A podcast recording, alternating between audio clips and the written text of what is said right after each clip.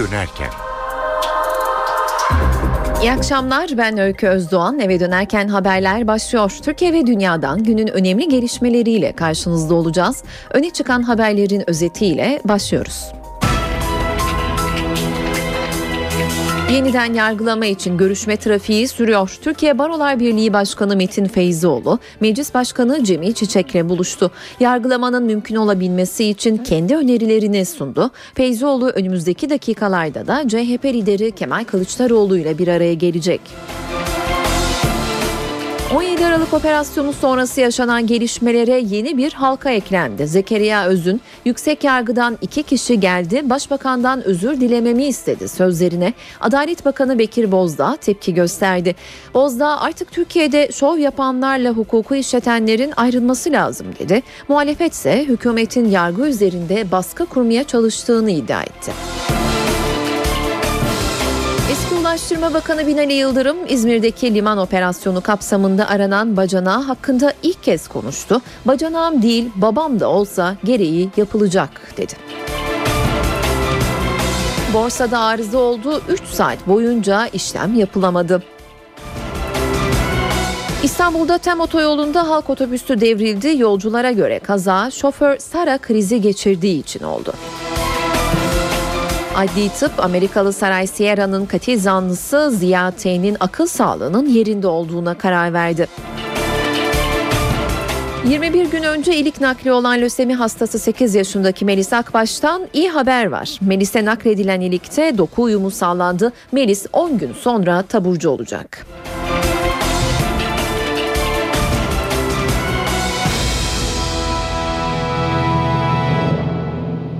17 Aralık soruşturmasını yürütürken dosyadan el çektirilip Bakırköy Başsavcı Vekilliğine atanan Zekeriya Öz'ün iddialarına Başbakanlıktan sonra Adalet Bakanlığı'ndan da açıklama geldi. Başbakanlık Savcı Öz'ün Başbakan Erdoğan yüksek yargı kökenli iki kişiyi aracı gönderdi, özür dilememi istedi şeklindeki sözlerinin iftira olduğunu açıklamıştı. Adalet Bakanı Bekir Bozdağ da Türkiye'de şov yapanlarla hukuku işletenlerin ayrılması lazım. Öz kimseye iftira atmasın dedi. Başbakanlıktan bu açıklamalar biliyorsunuz yalanlandı. Bunların iftira olduğu başbakanlıktan ifade edildi. Çok açık. Başsavcının e, veyahut da orada görevli bir savcı varsa bu açıklamalarla ilgili onun tarafından yapılması lazım. Yani HSYK'dan bir izin alınıp alınmadığını da ben bilmiyorum ama HSYK'nın da böyle bir izin verme yetkisi yok. E, savcılar e, görevlerini yaparken anayasa ve hukuk çerçevesinde görevlerini sürdürmelidirler. E, ama her gün basının huzurunda, her gün gazete manşetlerinde, her gün televizyonlarda e, bir şov e, gibi vazife yaparlarsa o zaman kendilerine olan saygının, hukuka olan güvenin, adaleti olan inancın zayıflamasına yol açarlar. Ben beklerim ki bütün savcılar gazetelere verdikleri demeçlerle, televizyonlara yaptıkları açıklamalarla değil, anayasa ve hukuka uygun yaptığı iş ve işlemlerle gündeme gelsinler. Çünkü savcılar çok farklı bir noktadadır. Halk da öyle değerlendirir, e, öyle bakar ama e, baktığımızda maalesef böylesi üzücü e, tablolarla karşı karşıya kalıyoruz. Artık Türkiye'de şov yapanlarla hukuku işletenlerin mutlaka ayrılması lazım. Savcı Öz'ün yüksek yargıdan iki kişi geldi, başbakandan özür dilememi istedi sözlerine bir tepki de Meclis Adalet Komisyon Başkan Vekili Hakkı Köylü'den geldi. Köylü Zekeriya Öz'ün açıklamalarının disiplin soruşturması gerektiğini savundu.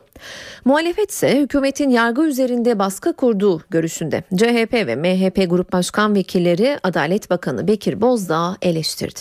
Hiç kimse kendisini halktan seçimlerde aldığı oyu meşruiyetin tek şart olarak gör, görmesin.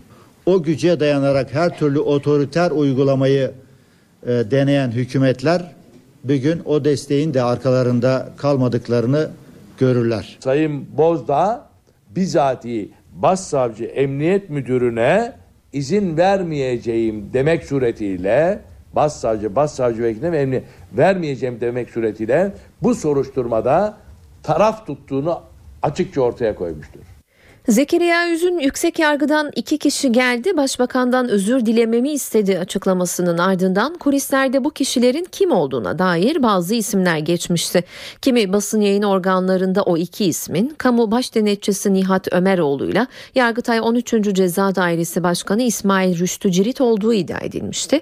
Her iki isim de az önce bir açıklama yaptı. Ömeroğlu ve Cirit Öz'ün iddialarını yalanladı. Başbakan Erdoğan tarafından görevlendirildiğimiz, birilerini tehdit ettiğimiz ve soruşturmayı kapatın dediğimiz gerçek dışıdır dedi. AK Parti İzmir Milletvekili Ali Aşlık, savcı Zekeriya Öz'e tepki amaçlı sosyal paylaşım sitesi Twitter'dan bir mesaj paylaştı. Aşlık, Öz'ün Samsun'daki lojmanında ölü bulunan savcı Murat Gök gibi kendi sonunu kendi hazırlayacağını söyledi. AK Partili Aşlık attığı bu tweetin tehdit içermediğini savundu. Tartışma yaratan tweete muhalefet sözcülerinden ve Türkiye Barolar Birliği Başkanı Feyzioğlu'ndan tepki geldi. AK Parti İzmir Milletvekili Ali Aşlık, savcı Zekeriya Öz'ü geçen yıl evinde hayatını kaybeden savcı Murat Gök'ü hatırlatarak hedef aldı. Twitter hesabından savcı Öz, savcı Murat Gök gibi kendi sonunu kendi hazırlayacak. Ne demiş atalarımız?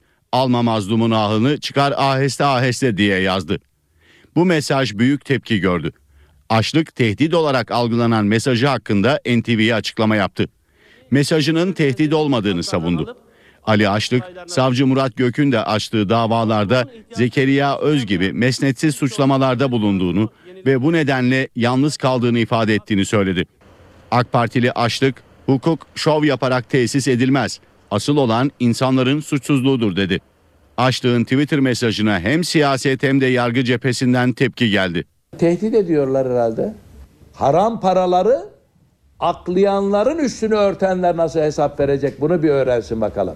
Onların sonlarının nasıl olduğunu biliyor mu? Hükümet bu aralar gerekli gereksiz hükümetlileri çok değişik konuşmalar yapıyorlar.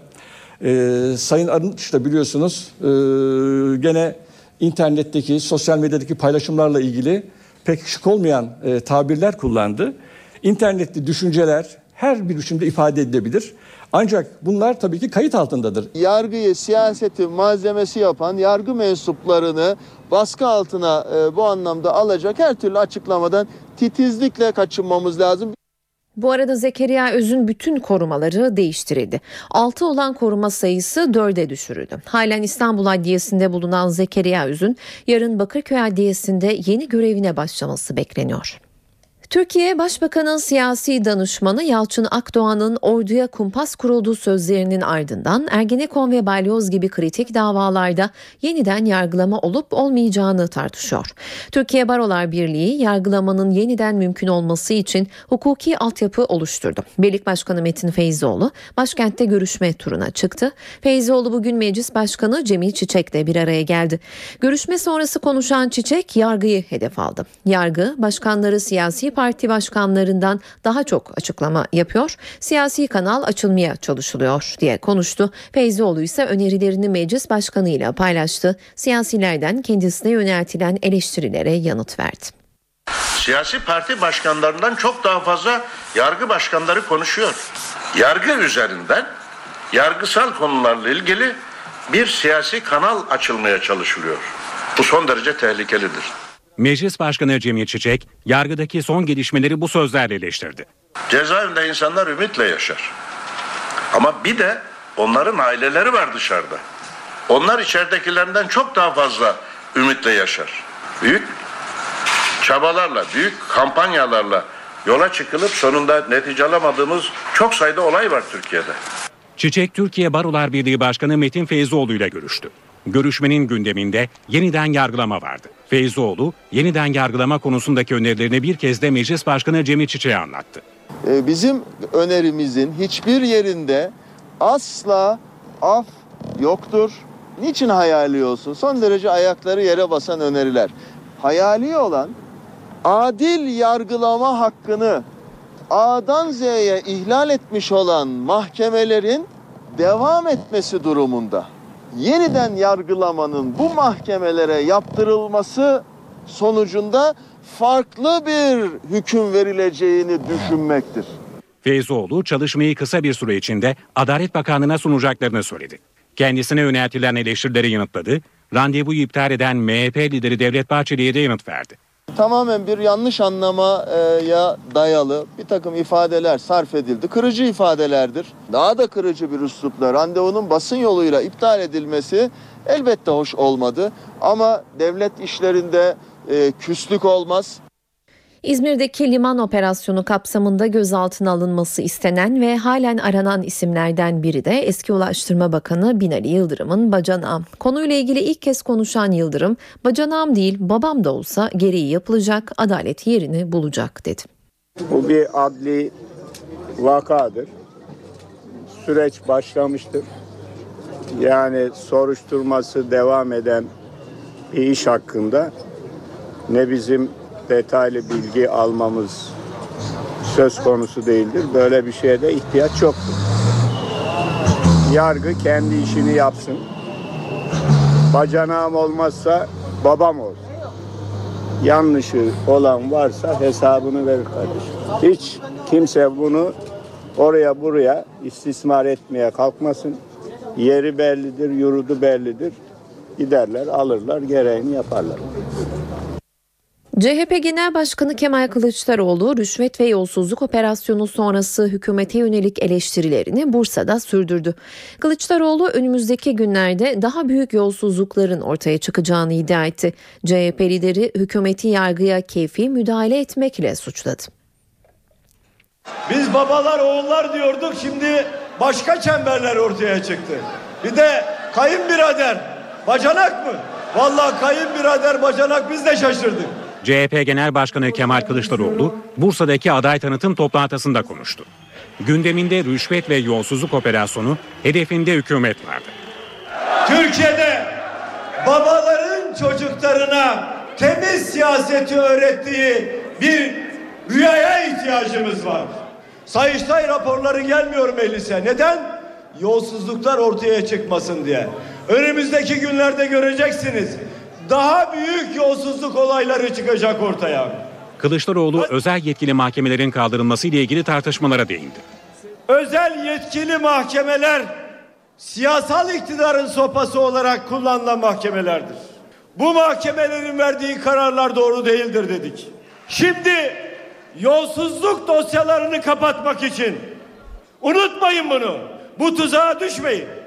Yolsuzluk dosyalarını kapatmak için buraya balıklama atladılar. CHP lideri Kılıçdaroğlu mal varlığı ile ilgili her zaman şeffaf olacağını söyledi. Siyasete girdiğim gün bütün mal varlığımı, mal varlığımı açıkladım. İnternet sitesine koydum. Benim mal varlığım meydanda. Benim çocuklarımın gemileri yok. Benim çocuklarımın adını kimse bilmez.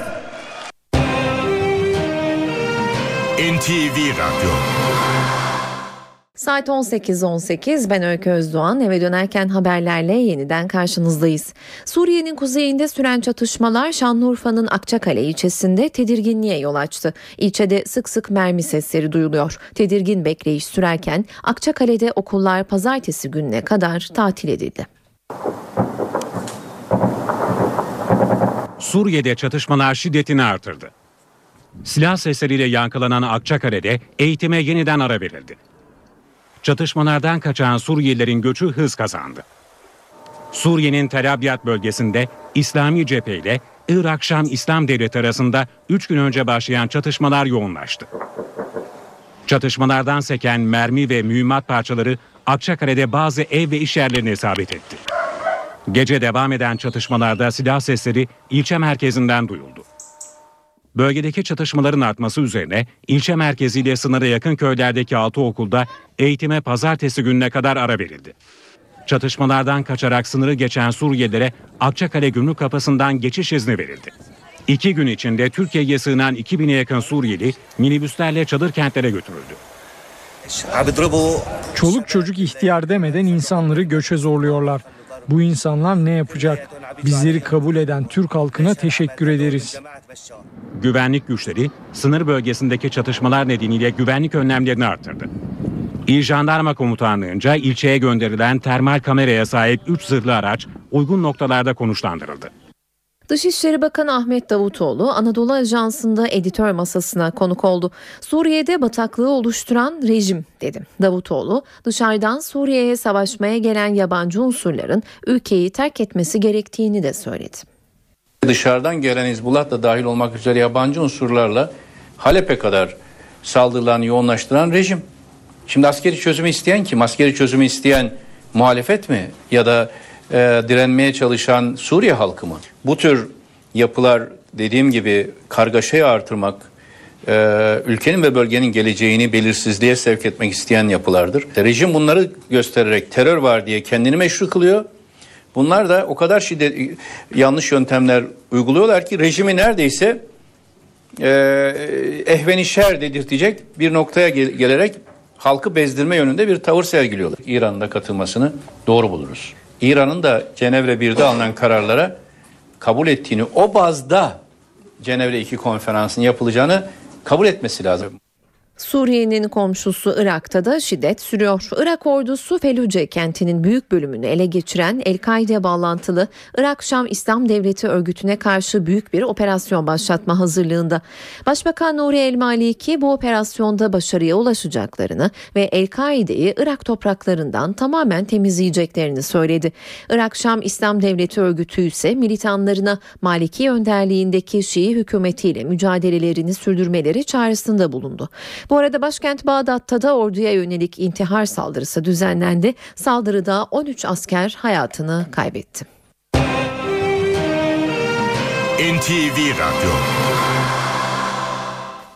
Fransa'nın başkenti Paris'te geçen yıl öldürülen 3 PKK'lı kadın için bugün Diyarbakır'da yürüyüş düzenlendi. Binlerce kişinin katıldığı yürüyüşte BDP'nin Diyarbakır Büyükşehir Belediye Başkan adayı Gülten Kışanak da hazır bulundu. Kışanak cinayetlerle ilgili çarpıcı açıklamalar yaptı. Neler söylediğini NTV muhabiri Süleyman Gürhan'dan alacağız. Süleyman seni dinliyoruz. Evet hemen gelişmeleri anlatmaya başlayalım. Grup yürüyüş için saat 12'de Bağlar ilçesinde bulunan Nükhet Coşkun Caddesi üzerinde toplandı. Buradaki yürüyüşe BDP eş genel başkanı aynı zamanda e, Diyarbakır Büyükşehir Belediye Başkan adayı Gülten Kışanak katıldı. Onun dışında partinin kadın meclisi üyeleri ile e, çok sayıda vatandaş vardı yürüyüşte. Örgütün üst düzey yöneticisi Sakine Cansız'ın da aralarında bulunduğu 3 kadının Fransa'nın başkenti Paris'te öldürülmesi protesto edildi. Grup daha sonra burada kitlesel olarak Vatikan meydanına doğru yürüyüşe geçti. Burada da sık sık cinayetleri protesto eden sloganlar atıldı. Yürüyüşün genel anlamıyla sakin bir ortamda geçtiğini söyleyebiliriz. Ancak polis yine de kentin hassas noktalarında yoğun güvenlik önlemleri almıştı. Grup e, Vatikan Meydanı'na ulaştığında ise BDP eş genel başkanı Gülten Kışanak e, açıklamalarda bulundu. Gülten Kışanak'ın e, gündeminde cinayet e, vardı.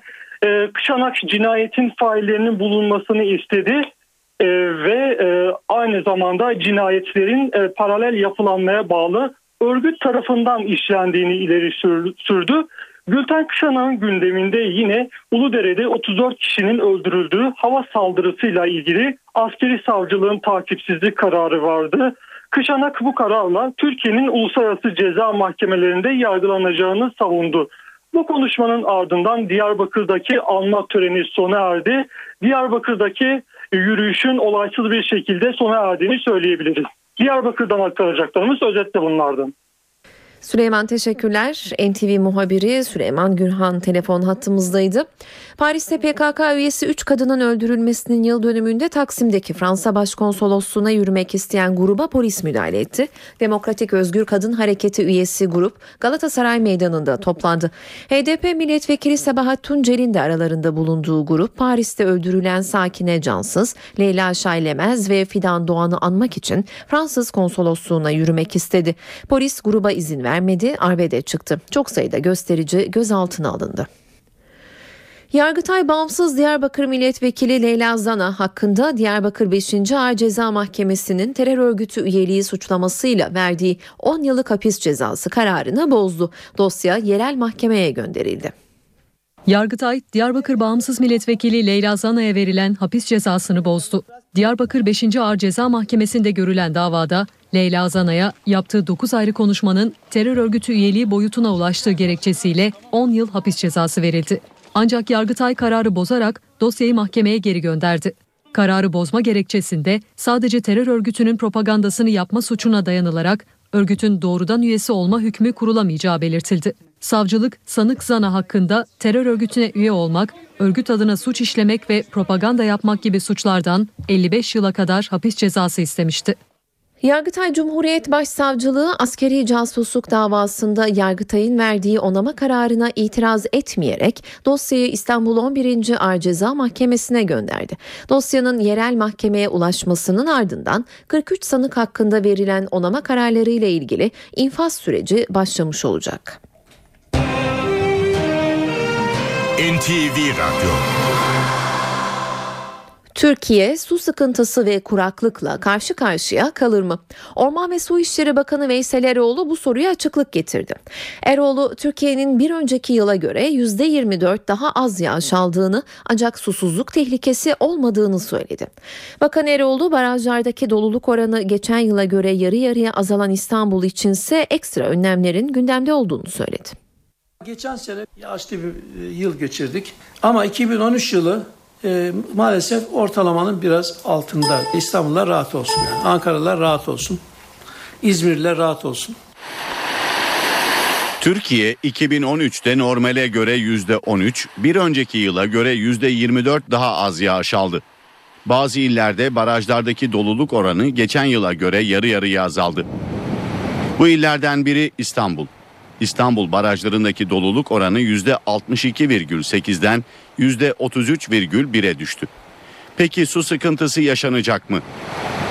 Orman ve Su İşleri Bakanı Veysel Eroğlu'na göre hiçbir il su sıkıntısıyla karşı karşıya değil. İstanbul içinse ekstra önlemler gündeme gelebilir. İstanbul'a susuz bırakmamak için ne gerekiyorsa yapacağız. Yani susuz bırakmayacağız bir. Ama sıkıntı olmaması için e, de bir e, çalışma yaptık. Bir işletme programı. iki Melen Barajı'nı inşa ediyoruz. İzmir'de biz gördesi bağladığımız için orada da bir problem yok. Şu anda yüzde 57. Ankara'da suyumuz var yeterli fazla bile. E, ama Ankara'da gerektiğinde kesik köprüden su veririz. Bakan Eroğlu yağışların az olmasının kuraklığa da neden olmayacağı görüşünde. 204 tane sulama maksatlı barajımız var. %46.6 dolu. Konya Kapalı Havzası'nda biraz e, sıkıntı var ama orada da şöyle bir şansımız var. E, Bağbaşı Barajı'nı bitirdik. Oradan artık su verme imkanımız var. Sırada hava durumu var. Bu gece ve yarın için hava tahminini alalım şimdi de. NTV Meteoroloji Editörü Gökhan Abur'u dinliyoruz. İyi akşamlar. Lodos batıda gündüz sıcaklıklarını yükseltiyor. Yarın Akdeniz, Ege ve Marmara'da sıcaklıklar ortalamalar üzerine çıkacak. İç Anadolu ve Doğu'da ise hava soğuk. Gecelerde soğuk geçmeye devam ediyor. Hava açık, rüzgarda zayıf. O nedenle sis, pus, doğuda ise sisle birlikte don ve buzlanma etkisini yarın da sürdürecek. Kurak bir dönem yaşayan yurdumuzda yarın ve cumartesi günü yağış beklemiyoruz. Pazar günü Ege'de başlayacak yağışlar, pazartesi günü Ege'de daha kuvvetli olmak üzere Akdeniz, Marmara ve Batı Karadeniz'de etkisi altına alacak. Yağışlar iç kesimlere doğru ilerlerken sıcaklıklar yeniden azalacak. Önümüzdeki hafta iç ve doğu bölgelerdeki yağışların karla karışık yağmur ve kar şeklinde olmasını bekliyoruz. İstanbul'da yarın hava daha ılık, lodos sıcaklıkları 14 derecenin üzerine çıkaracak. Hava parçalı bulutlu. Ankara'da ise hava yarın da puslu ve soğuk. Sıcaklık öğle saatlerinde en fazla 3 derece olacak. Gece sıcaklığı ise merkezde yine eksi 2 derece. İzmir'de sıcaklıklar yükseliyor ve 14 derecenin üzerine çıkacak hava parçalı bulut. Pazar günü ise bulutlanma artacak. Hepinize iyi akşamlar diliyorum. Hoşçakalın.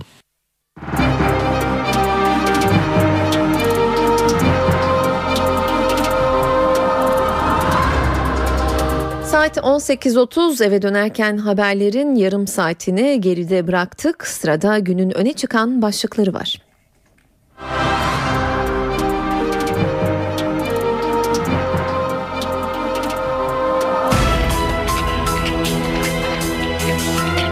Kamu Baş Denetçisi Nihat Ömeroğlu ve Yargıtay 13. Ceza Dairesi Başkanı İsmail Rüştü Cirit, Başbakan tarafından görevlendirilip savcı Zekeriya Öz'ü tehdit ettikleri iddiasını yalanladı. 17 Aralık operasyonu sonrası yaşanan gelişmelere yeni bir halka eklendi. Zekeriya Öz'ün yüksek yargıdan iki kişi geldi. Başbakandan özür dilememi istedi sözlerine. Adalet Bakanı Bekir Bozdağ tepki gösterdi. Bozdağ artık Türkiye'de şov yapanlarla hukuku işletenlerin ayrılması lazım dedi. Muhalefet ise hükümetin yargı üzerinde baskı kurmaya çalıştığını iddia etti. Yeniden yargılama için görüşme trafiği sürüyor. Türkiye Barolar Birliği Başkanı Metin Feyzoğlu, Meclis Başkanı Cemil Çiçek'le buluştu. Yargılamanın mümkün olabilmesi için kendi önerilerini sundu. Feyzoğlu önümüzdeki dakikalarda da CHP lideri Kılıçdaroğlu'yla görüşecek. Eski Ulaştırma Bakanı Binali Yıldırım, İzmir'deki liman operasyonu kapsamında aranan bacanağı hakkında ilk kez konuştu. Bacanağım değil babam da olsa gereği yapılacak dedi.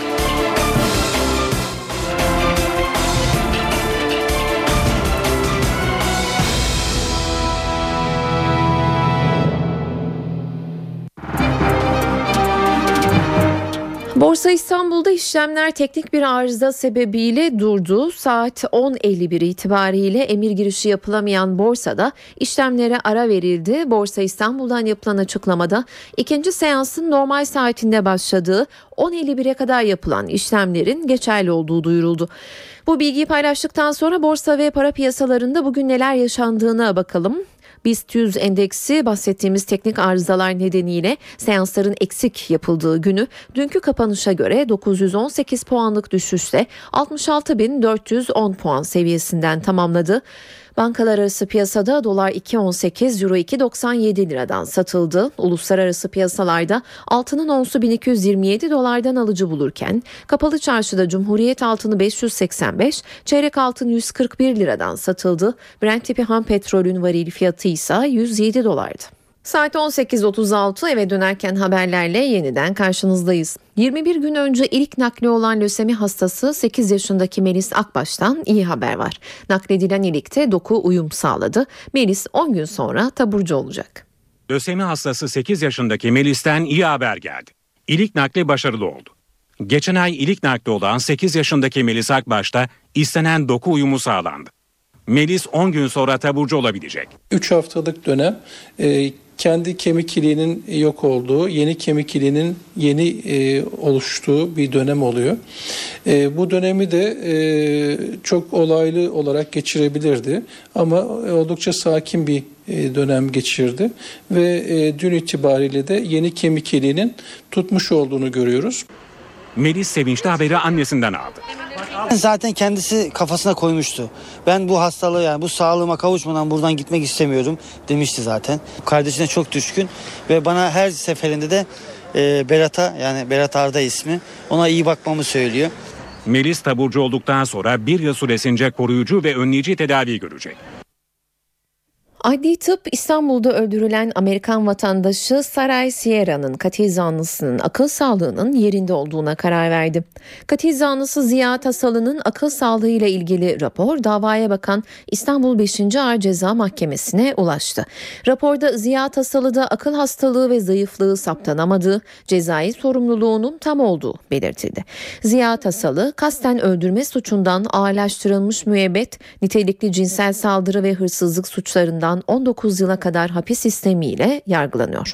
Davanın 3. duruşması 16 Ocak'ta görülecek.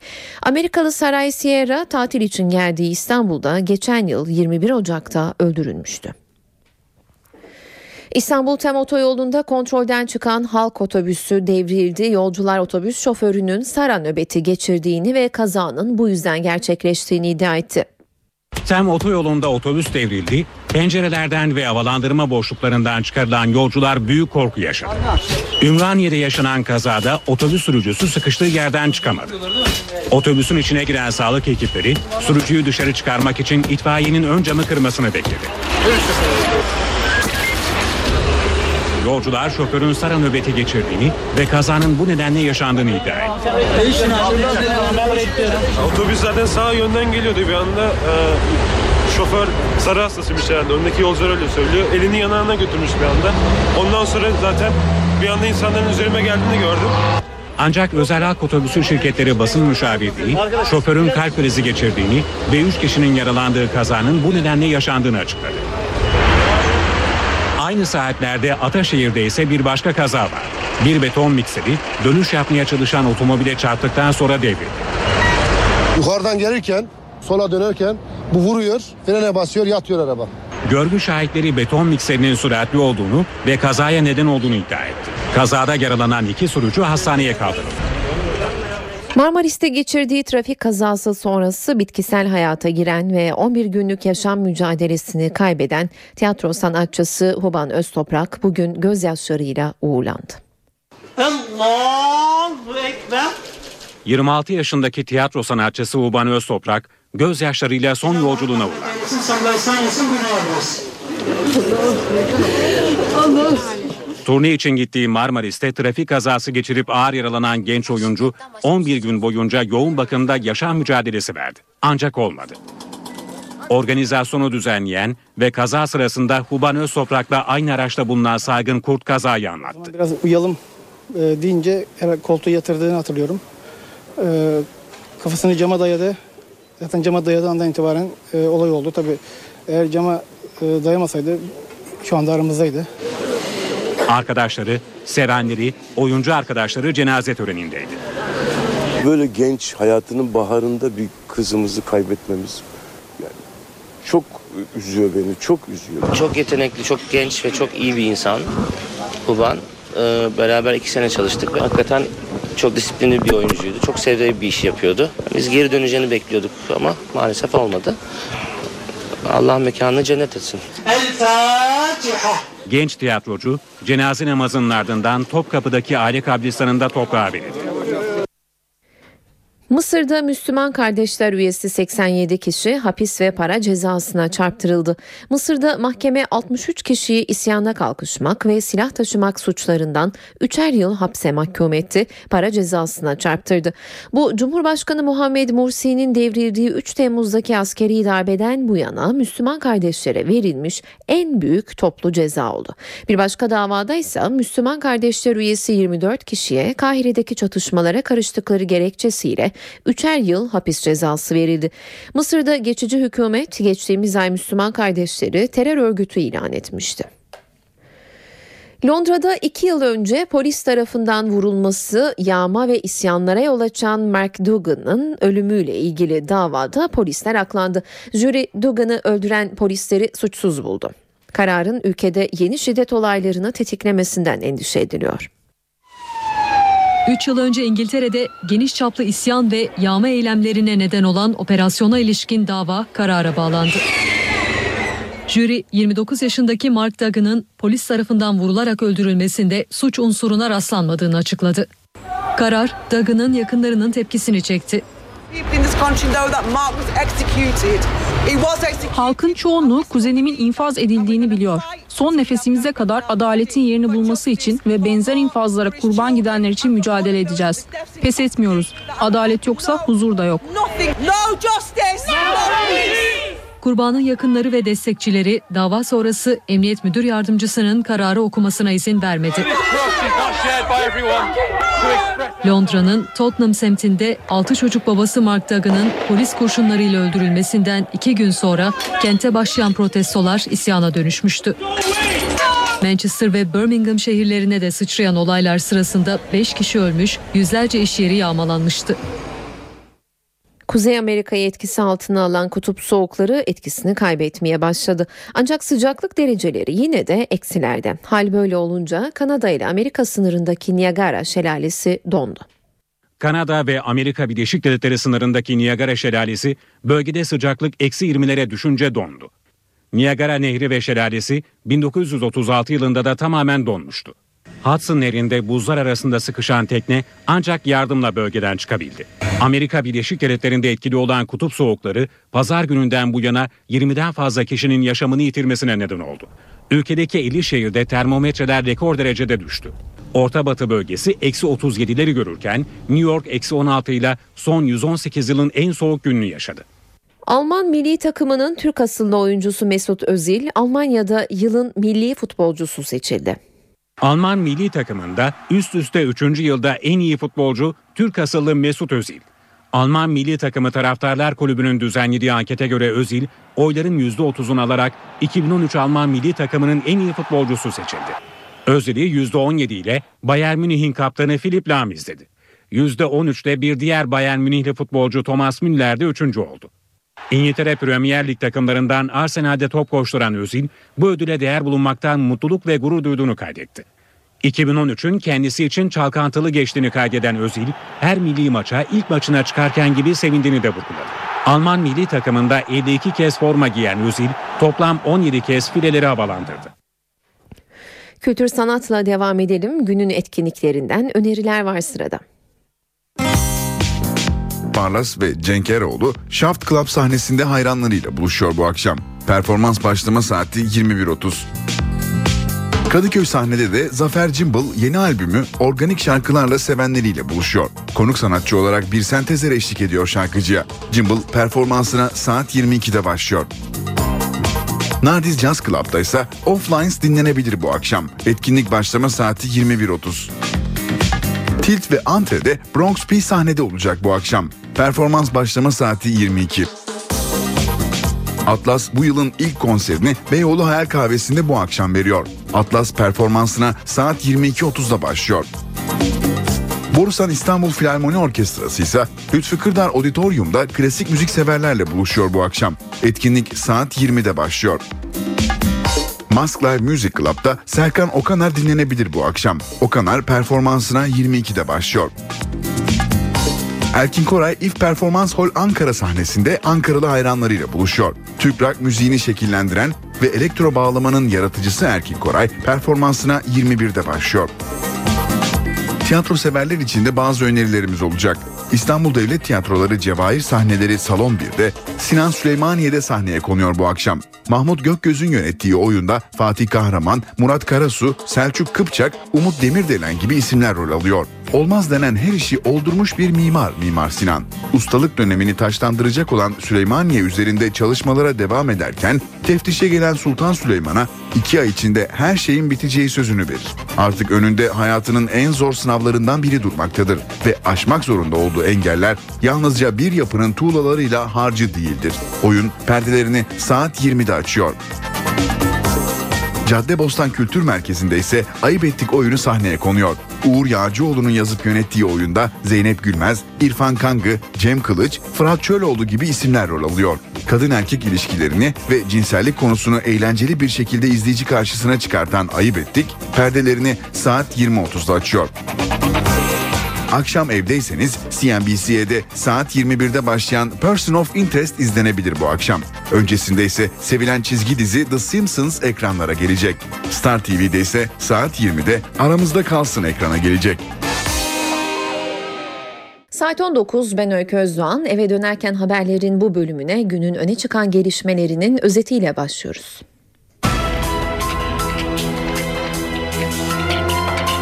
Kamu Baş Denetçisi Nihat Ömeroğlu ve Yargıtay 13. Ceza Dairesi Başkanı İsmail Rüştü Cirit, Başbakan tarafından görevlendirilip Savcı Zekeriya Öz'ü tehdit ettikleri iddiasını yalanladı. 17 Aralık operasyonu sonrası yaşanan gelişmelere yeni bir halka eklendi. Zekeriya Öz'ün yüksek yargıdan iki kişi geldi, başbakandan özür dilememi istedi sözlerine Adalet Bakanı Bekir Bozdağ tepki gösterdi. Bozdağ artık Türkiye'de şov yapanlarla hukuku işletenlerin ayrılması lazım dedi. Yeniden yargılama için görüşme trafiği sürüyor. Türkiye Barolar Birliği Başkanı Metin Feyzioğlu, Meclis Başkanı Cemil Çiçek'le buluştu. Yargılamanın mümkün olabilmesi için kendi önerilerini sundu. Eski Ulaştırma Bakanı Binali Yıldırım İzmir'deki liman operasyonu kapsamında aranan bacanağı hakkında ilk kez konuştu. Bacanağım değil babam da olsa gereği yapılacak dedi. Adli tıp Amerikalı Saray Sierra'nın katil zanlısı Ziya T'nin akıl sağlığının yerinde olduğuna karar verdi. 21 gün önce ilik nakli olan lösemi hastası 8 yaşındaki Melis Akbaş'tan iyi haber geldi. Melis'e nakledilen ilikte doku uyumu sağlandı. Melis 10 gün sonra taburcu olacak.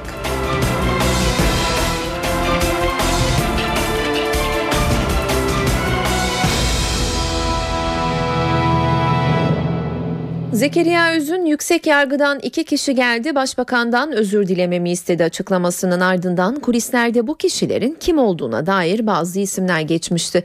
Kimi basın yayın organlarında o iki ismin kamu baş denetçisi Nihat Ömeroğlu'yla Yargıtay 13. Ceza Dairesi Başkanı İsmail Rüştü Cirit olduğu iddia edilmişti.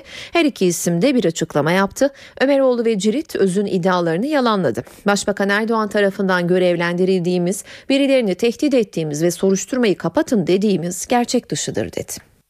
Türkiye Başbakanın siyasi danışmanı Yalçın Akdoğan'ın orduya kumpas kurulduğu sözlerinin ardından Ergenekon ve Balyoz gibi kritik davalarda yeniden yargılama olup olmayacağını tartışıyor.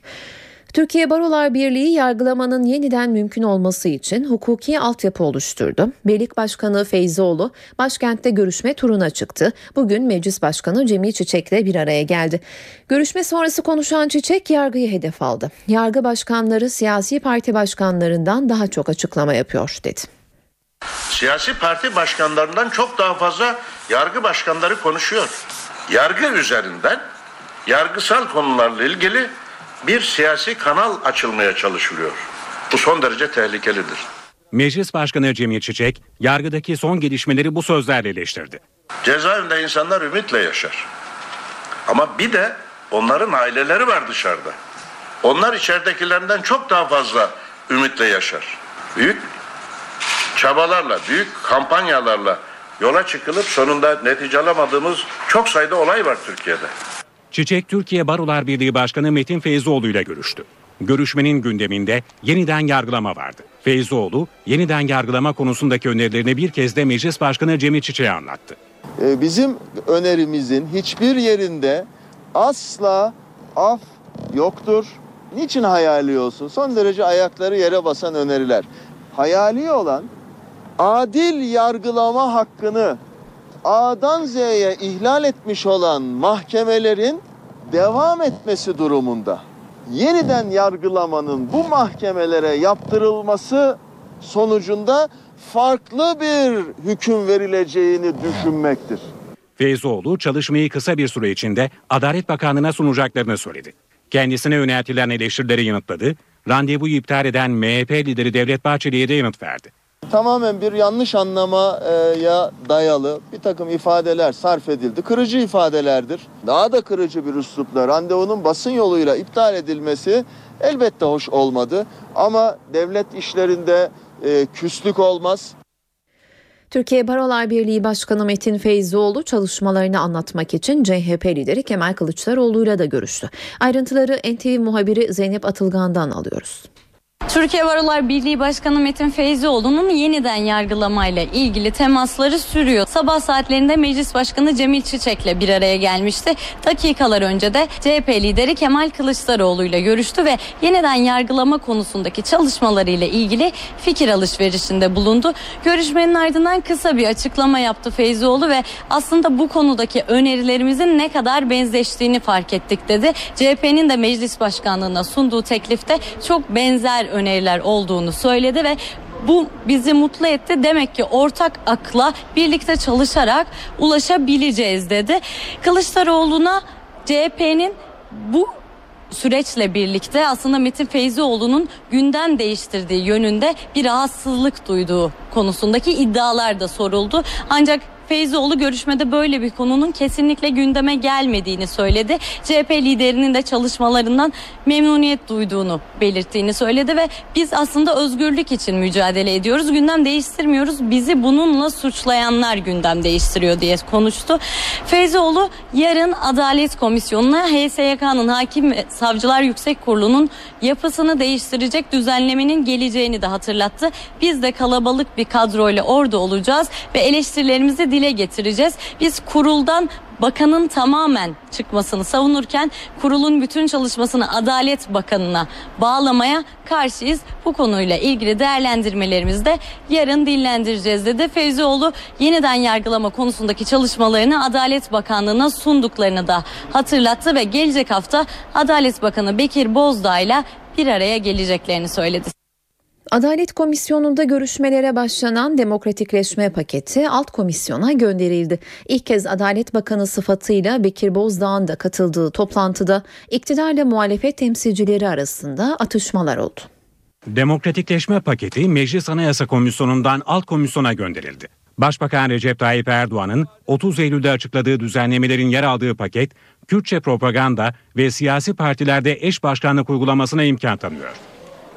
Genel seçimlerde %3'ten fazla oy alan partilere hazine yardımı yapılmasını da öngören paket, özel okullarda Kürtçe eğitime de imkan tanıyor.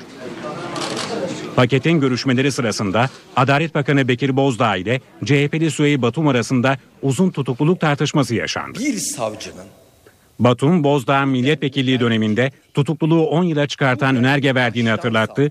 Dünyada böyle bir öneri getiren ilk ve tek bakan sizsiniz dedi. onu hocam Bozdağ, Batum'a tutuklanmayla ilgili sınırlama yoktu o dönemde. İhtiyaç üzerine bir çalışma yapıldı sözleriyle yanıt verdi. Komisyonda AK Parti ile CHP arasında içki tartışması da yaşandı. CHP'li Mahmut Tanal, pakette yer alan toplantı ve gösteri yürüyüşü kanunundaki değişikliği eleştirirken 12 Eylül'de sandalla denize açılır slogan atardık ifadelerini kullandı.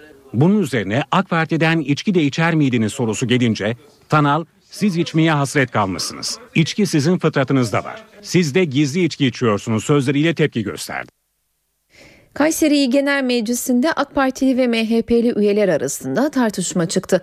MHP'li üye AK Partili üyeye yumruk attı. İl Genel Meclisi'ndeki tartışma bir kum ocağına ait işletme ruhsatının uzatılması görüşmeleri sırasında çıktı. MHP'li Halit Demir meclisin kukla ve maşa olarak kullanıldığını iddia etti. AK Partili üyeler ise bu sözlere tepki gösterdi. Görüşmeye ara verilmesinin ardından tartışma salon dışında kavgaya dönüştü. Bu sırada MHP'li Halit Demir AK Partili üye Mehmet Akif Başer'e yumruk attı. İkili diğer üye- üyelerin araya girmesiyle sakinleştirildi. NTV Radyo Başbakan Erdoğan uzak doğu gezisine Singapur'dan sonra Malezya ile devam ediyor. Erdoğan'ın gezisine ilişkin notları NTV muhabiri Murat Barış Koralp'ten alıyoruz.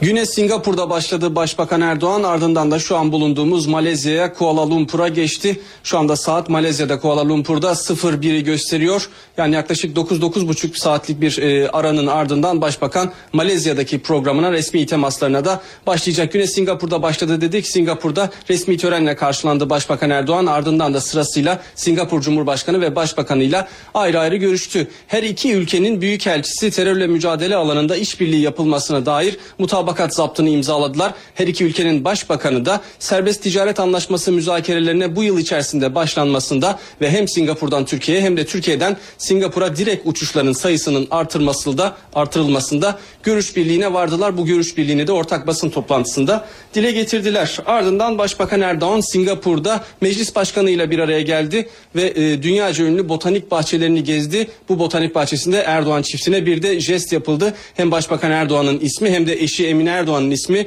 mor orkidelere verildi. Botanik bahçesinin bir bölümünün e, artık Erdoğan ailesinin adıyla anılacağını söyleyelim. Ardından dünyanın ikinci en büyük konteyner limanını ziyaret etti Başbakan ve Singapur temaslarına bir mezarlık ziyaretiyle nokta koydu. Singapur Başkonsolosu 1903 yılında vefat eden Ataullah Efendi'nin mezarını ziyaret etti. Ardından da şu an bulunduğumuz Malezya'ya geldi. Malezya programları sabah 10.30'da resmi törenle başlayacak. Ardından Malezya Uluslararası İslam Üniversitesi'nde Fahri Doktora törenine katılacak. Fahri Doktora verilecek Başbakan'a ve son programı da Araştırma ve Dönüşüm Vakfı tarafından düzenlenecek. Dönüşen Doğu Asya Pasifik Bölgesi ve Türkiye konferansına konuşmacı olarak katılacak. Resmi akşam yemeğinin ardından da uzun yolculuk başlayacak ve İstanbul'a hareket edecek Başbakan Erdoğan. Eve dönerken haberleri spor gündeminden gelişmelerle tamamlıyoruz. Ben Öykü Özdoğan. Yarın akşam aynı saatte karşınızda olacağız. Şimdilik hoşçakalın. İkinci yarı hazırlıklarını Antalya'da sürdüren lider Fenerbahçe'nin golcüleri Sol, Emenike, Vebo ve Kayt'i bir basın toplantısı düzenledi. Dört futbolcu da iyi bir kamp dönemi geçirip şampiyonluk için ellerindeki avantajı korumak istediklerini söyledi. Ligin ilk devresine çok iyi bir başlangıç yaptık ama bu geride kaldı ve önümüze bakmamız gerekiyor. Ligin ikinci yarısı için elimizden geldiğince çalışıyoruz ve çok iyi bir kamp geçiriyoruz. İlk yarıda forvet oyuncuları olarak iyi bir performans ortaya koyduk. Birbirimize yardım ederek goller atıyoruz. Sadece forvet oyuncularını ön plana çıkarmanın doğru olacağını düşünmüyorum. Takım sayesinde asist yapma ve gol atma şansı yakalayabiliyoruz. Amacımız iyi başladığımız bu sezonu aynı şekilde sonuçlandırmak. Bir avantaja sahibiz ve bunun farkındayız. Tek istediğimiz her zaman olduğu gibi bu sezonu şampiyon tamamlamak. Fenerbahçe'nin büyüklüğünün bilincinde oyuncularız. Amacımız takıma sağlayabileceğimiz en iyi katkıyı sağlamak. Ligin ikinci yarısının zor geçeceğini biliyorum. İlk yarıda iyi konsantre olarak iyi bir iş başardık ve ikinci yarıda da aynı şekilde devam etmek için çalışmalarımızı sürdürüyoruz. Dört forvetiz ancak üçümüz sahada olabiliyor. Sahada kim olursa olsun en iyi performansını göstermeye çalışıyor. Transfer konusunda bir takım haberler çıktı ama burada iyi bir iş çıkardığımı düşünüyorum ve kontratımın kalan kısmını en iyi şekilde değerlendirmek istiyorum. Sezonun başlangıcı benim için biraz zor geçti ama daha sonra takım arkadaşlarıma ve birlikte oynadığım diğer forvet oyuncularına alıştım. Bence Fenerbahçe formasıyla attığım en güzel gol burada ilk golüm olan Kayseri Erciyespor'a attığım goldü. Lider Fenerbahçe'de Ersun Yanal oyuncularının rahatlamasına izin vermiyor. Sarı lacivertlerin Antalya'da sürdürdüğü kampta oyuncularını sık sık uyaran Yanal, takımın performansının düşmemesi için özel programlar uyguluyor. Ersun Yanal işi sıkı tutuyor. Fenerbahçe Teknik Direktörü Ersun Yanal, Antalya kampının ilk gününden itibaren oyuncularına yoğun bir antrenman temposu yüklüyor. Öğrencileriyle bir toplantı yapan Yanal, futbolcularından kampı devre arası değil sezon başı kampı olarak görmelerini istedi. Sarı lacivertli futbolcuları rehavete kapılmamaları konusunda uyaran Yanal, henüz kazanılmış bir şey yok. Sadece devre arasını lider tamamladık. Ancak konsantrasyonumuzu bozmaz ve işi sıkı tutarsak puan farkını açarak şampiyon oluruz. Bu konuda hepinize güveniyorum şeklinde konuştu. Antalya'daki çalışmalarda oyuncularına sık sık sert uyarılarda bulunan Yanal, temponun sürekli üst seviyede kalmasını istedi. Yanal performans verilerini yükseltmek için özel antrenman programları uygulamaya devam edecek. Ronaldinho için 6 milyon euro teklifte bulunan Beşiktaş, Cuma gününe kadar oyuncunun menajerinden haber bekliyor. Siyah beyazlı kulüp bir senedir yoğun temaslarda bulunduğu Ronaldinho konusunda son teklifini yaptı ve yıldız futbolcunun cevabını beklemeye geçti. Beşiktaş yönetimi Ronaldinho'nun abi ve menajeri olan Roberto Asis'e son olarak yıllık 6 milyon euro ücret teklifinde bulundu. Yapılan görüşmeler sonrası Asis'in hafta sonuna kadar siyah beyazlı kulübe yanıt vermesi bekleniyor. 30 Aralık'ta İstanbul'a gelen Asis 5 gün İstanbul'da kalmış ve Beşiktaş yönetimiyle bu sürede 3 kez görüşmüştü. Daha sonra Brezilya'ya dönen Asis, ülkesinde Atletico Mineiro ve Gremio kulüpleriyle temasta bulunmuştu. Siyah beyazlı kulübün tekliflerini değerlendirecek olan Ronaldinho, kesin kararını hafta sonuna kadar açıklayacak. Beşiktaş Kulübü Başkanı Fikret Orman, Ronaldinho'nun transferi için iki taraf arasında bir takım farklar olduğunu söyledi. Orman, Brezilyalı yıldızı çok istediklerini ama bütçelerine göre hareket edeceklerini ifade etti. Beşiktaş Ronaldinho'ya son teklifini yaptı ama aradaki fark kapanmadı. Siyah Beyazlı Kulübün Başkanı Fikret Orman yayıncı kuruluşu yaptığı açıklamada Brezilyalı yıldızla aralarında hala önemli farklar olduğunu söyledi. Ronaldinho'nun çok önemli bir oyuncu olduğunu ve çok büyük bir kariyeri bulunduğunu belirten Orman, Ronaldinho Şampiyonlar Ligi ve Dünya Kupası'nı kaldırmış, altın ayakkabı kazanmış ve dünyada yılın en iyi futbolcusu seçilmiş bir isim. Bazı bedeller var. Bu bedelleri ödemek zorunda olduğumuz için kulübün geleceğini düşünmek zorundayız. Bedel üzerinde anlaşırsak sonrasına bakacağız. Ben de çok istiyorum ama Beşiktaş'ın ödeyebileceği bedeller olması lazım. Ronaldinho transferini kendi bütçemizden halledebilecek durumdayız. Fakat daha aramızda farklar var dedi. Orman Eskişehir Sporlu Tarık Çamdal için de tekliflerini yaptıklarını belirterek Kırmızı Siyahlı kulüpten cevap beklediklerini dile getirdi. Fikret Orman ligin ikinci yarısında İstanbul'daki ilk 5 maçtan sonra kesin olarak Atatürk Olimpiyat Stadı'na gideceklerini söylerken İlk 5 maçın nerede oynanacağı konusunda ise karar aşamasındayız dedi. Beşiktaş Başkanı Fenerbahçe ile 12 puanlık farka rağmen şampiyonluk umutlarını koruduklarını da sözlerine ekledi. Galatasaray'ın TS transferinde pürüz çıktı. Gremio kulübü ödemelerle ilgili teminat mektubunun gecikmesi nedeniyle transferin şu an için dondurulduğunu açıkladı. İstanbul'a gelmek üzere yola çıkan TS iki kulüp arasındaki krizi havaalanında öğrendi. Galatasaray'ın transfer için gün saati Alex Telles'te pürüz çıktı. Brezilya basında konuşan Gremio Kulübü Sportif Direktörü Rui Costa transferin şimdilik dondurulduğunu açıkladı. Costa, Sarı Kırmızılı Kulübün bonservis bedeli için teminat mektubunu henüz göndermediğini ve bu nedenle transferin askıya alındığını söyledi. Ancak transferin iptali gibi bir durumun söz konusu olmadığını vurgulayan Rui Costa, beklediğimiz teminat geldiği takdirde Alex Galatasaray'la sözleşme imzalayabilir dedi. Genç oyuncu için birçok kulüpten teklifler aldıklarını belirten Rui Costa, Gremio'nun çıkarlarını düşünmek zorundayız. Umarım kısa sürede sorun çözülür. Aksi durumda bu teklifleri değerlendirmemiz gerekebilir diye konuştu. Rui Costa Telis'e şu an için konuşma yasağı getirdiklerini sözlerine ekledi. İki kulüp arasında bu kriz yaşanırken Alex Telis olayı Salgado Filho havaalanındayken öğrendi. Menajeri Fernando Otto ile birlikte önce Sao Paulo'ya oradan da İstanbul'a uçmaya hazırlanan Telis gelen haber üzerine havaalanından geri dönmek zorunda kaldı. Menajer Fernando Otto da Radyo Guaiba'ya sorun çıkmasına de çok şaşırdı. Yönetimle konuşacak açıklamasını yaptı. Brezilya basında yer alan haberlerde de %40'ı peşin olmak üzere 6 milyon 750 bin euro bonservis bedeli üzerinde anlaşma sağlanmasına karşın ödeme planı ve banka garantisinde sorun çıktığı yazıldı.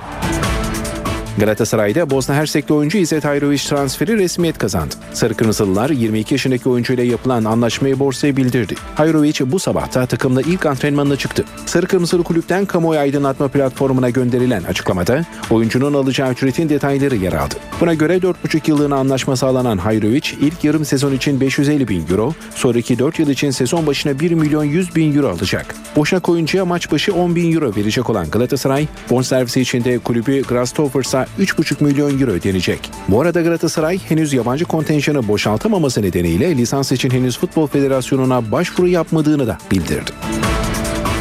Çaykur Rizespor, Trabzonspor'dan Aykut Akgün'ü kiralık olarak kadrosuna kattı. Ajax Stockholm'den Mutumba, Galatasaray'dan Engin Baytar'ı kadrosuna katan Karadeniz ekibi Trabzonspor'dan Aykut Akgün'ü transfer etti. Rizespor 26 yaşındaki orta saha oyuncusuyla sezon sonuna kadar kiralık olarak anlaştı. Bu arada Çaykur Rizespor, Portekiz'in Akademika Columbra takımında forma giyen 25 yaşındaki orta saha oyuncusu Liban Abdi ile prensipte anlaştı. Fenerbahçe Ülker Turkish Airlines Euroleague Top 16'da ikinci maçına çıkıyor. Sarı lacivertlilerin Barcelona'yı konuk edeceği mücadele saat 20'de başlayacak ve NTV Spor Smart'tan canlı yayınlanacak. Turkish Airlines Euroleague Top 16 turu E grubu ikinci maçında Fenerbahçe Ülker'le Barcelona, Ülker Sports Arena'da karşı karşıya gelecek. İkinci tura Olympiakos yenilgisiyle başlayan Fenerbahçe Ülker'in en skorer ismi Boyan Bogdanovic. 17.9 sayı ortalamasıyla normal sezonu sayı kralı olarak tamamlayan Hırvat oyuncunun yanı sıra Emir Percic de ortalama 20.2 verimlilik puanı yakalayarak bu alanda zirvede. Top 16'ya Anadolu Efes galibiyetiyle başlayan Barcelona'nın müzesinde 2 Euroleague şampiyonluğu var. Katalan temsilcisinin en skorer ismi 11.9 sayı ortalamasıyla oynayan Juan Carlos Navarro. Turkish Airlines Euroleague'de normal sezonda aynı grupta yer alan iki takım arasında İstanbul'da oynanan karşılaşmayı Fenerbahçe Ülker 75-70 kazanırken Barcelona ise İspanya'daki maçtan 94-81 galip ayrılmıştı.